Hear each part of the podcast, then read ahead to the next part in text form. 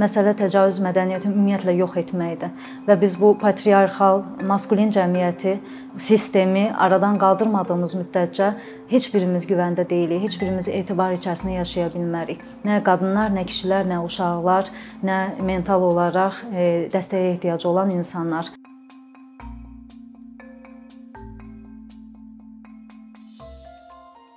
Təəssüf ki, cəmiyyətimizin e, diqqətini çəkən şey e, zorbalığın, zorakılığın ən ağır mərhələsi olur. Ən ağır mərhələ deyəndə insest, ailə içi zorakılıq, təcavüz halları və cinayətlər nəzərdə tutulur.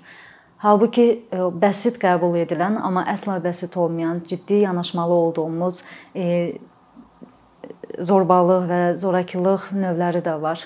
Məsələn, onlardan biri birini manipulyasiya etmək, birinin icazəsi olmadan bədəninə toxunmaq, onu təhqir eləmək, alçaltmaq, e, onu e, iqtisadi olaraq məhdudlaşdırmağa çalışmaq, onun üzərində hegemoniya qurmaq, hökmranlıq yaratmağa çalışmaq, bunların hər biri e, ayrı-ayrılıqda ciddi zorakılıq növləri sayılır. Lakin bununla bağlı hər hansısa bir insan dilə gəldiyində, şikayət etdiyində insanlar bunu lüks bir şeymiş kimi qəbul edirlər. Halbuki bunu ayırd eləməyimizə artıq fayda var. Bu bir lüks deyil, bu önləyicidir. Biz bunlara səsimizi çıxardaraq digər daha ağır e, zorbalığın, zorakılığın, hətta cinayətlərin belə önünü ala bilərik. Xırdasından böyüyünə qədər bütün zorbalıqlar ciddidir və təhlükəlidir. Və biz hər birinə səsimizi ona görə çıxartmalıyıq ki, təcavüz mədəniyyətini canlandırmayaq. Təcavüz mədəniyyətini necə canlandırır insanlar? Bu bəzən bilərəkdən, bəzən də yaxşı niyyətlə də olsa xəbərsizcə e, dəstək verə bilirik. Məsələn, buna söyüşləri misal gətirə bilərəm.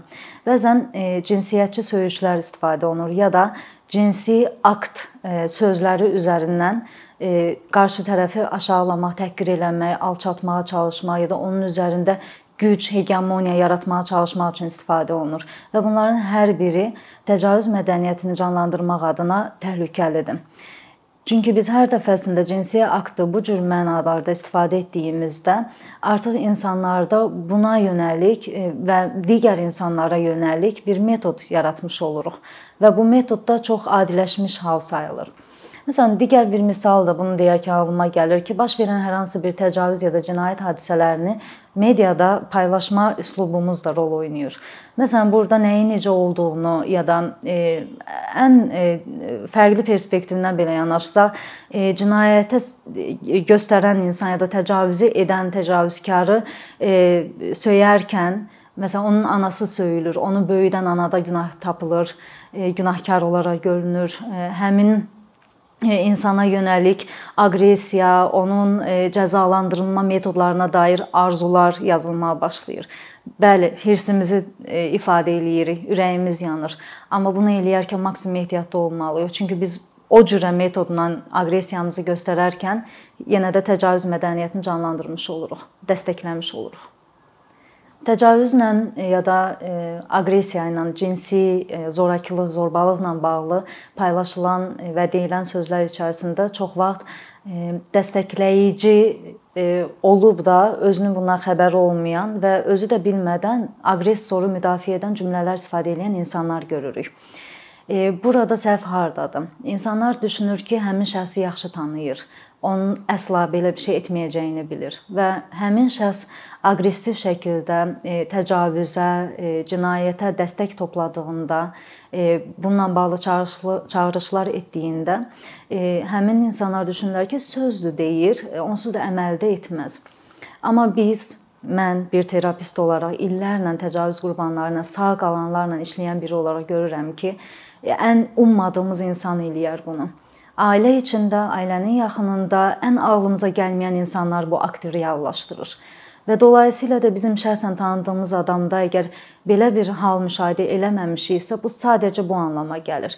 Hələ ki mənə təcavüz eləməyib. Hələ ki digərinə nə etdiyini biz bilə bilmərik. Və bir insan əgər təcavüzü təcavüz mədəniyyətini canlandıracaq, dəstəkləyəcək sözlər istifadə eləyirsə ki, bura təcavüzkarı dəstəkləmək də daxildir. Ondan ummaram, ondan gözləmərəm sözləri belə daxildir. Həmin insanın hər an hər nə isə edə biləcəyini biz öncədən kəstirə bilmərik. Ona görə də maksimum bu cür situasiyalarda seçdiyimiz sözlərə diqqət eləməyimiz lazımdır. Və bütün hər ixtisasla olan insanlar, hər kəsim buna daha həssaslıqla yanaşmağı lazımdır. Bir də insanlarda səhv bir e, mif bu formada yaranıb ki, e, pullu, zəngin, nüfuzlu bir kişi heç vaxt birinə təcavüz eləməz, çünki motivasiyası yoxdur. Ya da iş yerlərində e, müdirlərin işçiləri qısnamağı, onlara zorbalıq göstərməyi, onlara zoraki yanaşmağı sübut olunmadan qalır. Qadınlar susmaq məcburiyyətində qalır. Ətrafdakılar da inanmır buna. Çünki düşünürlər ki, onun nə motivasiya olacaq ki, motivi nədir ki, öz işçisinə bu cür vəzifəli bir şəxs bu cür davransın. Təcrübələr, araşdırmalar, bununla bağlı uzun illər, minlərdən çox işlər göstərir ki, təcavüzkarın məqsədi orada cinsi tələbatı ödəmək deyil. Varsa da belə bir tələbat çox minimumdur. Daha güclü faizi orada əks etdirən şey güc göstərisidir, hegemoniya qurmaqdır. Və əgər zəngin bir adamdan söz gedirsə, həmin insanın oradakı motivasiyası ona öz gücünü xatırladan situasiyalara girməkdir.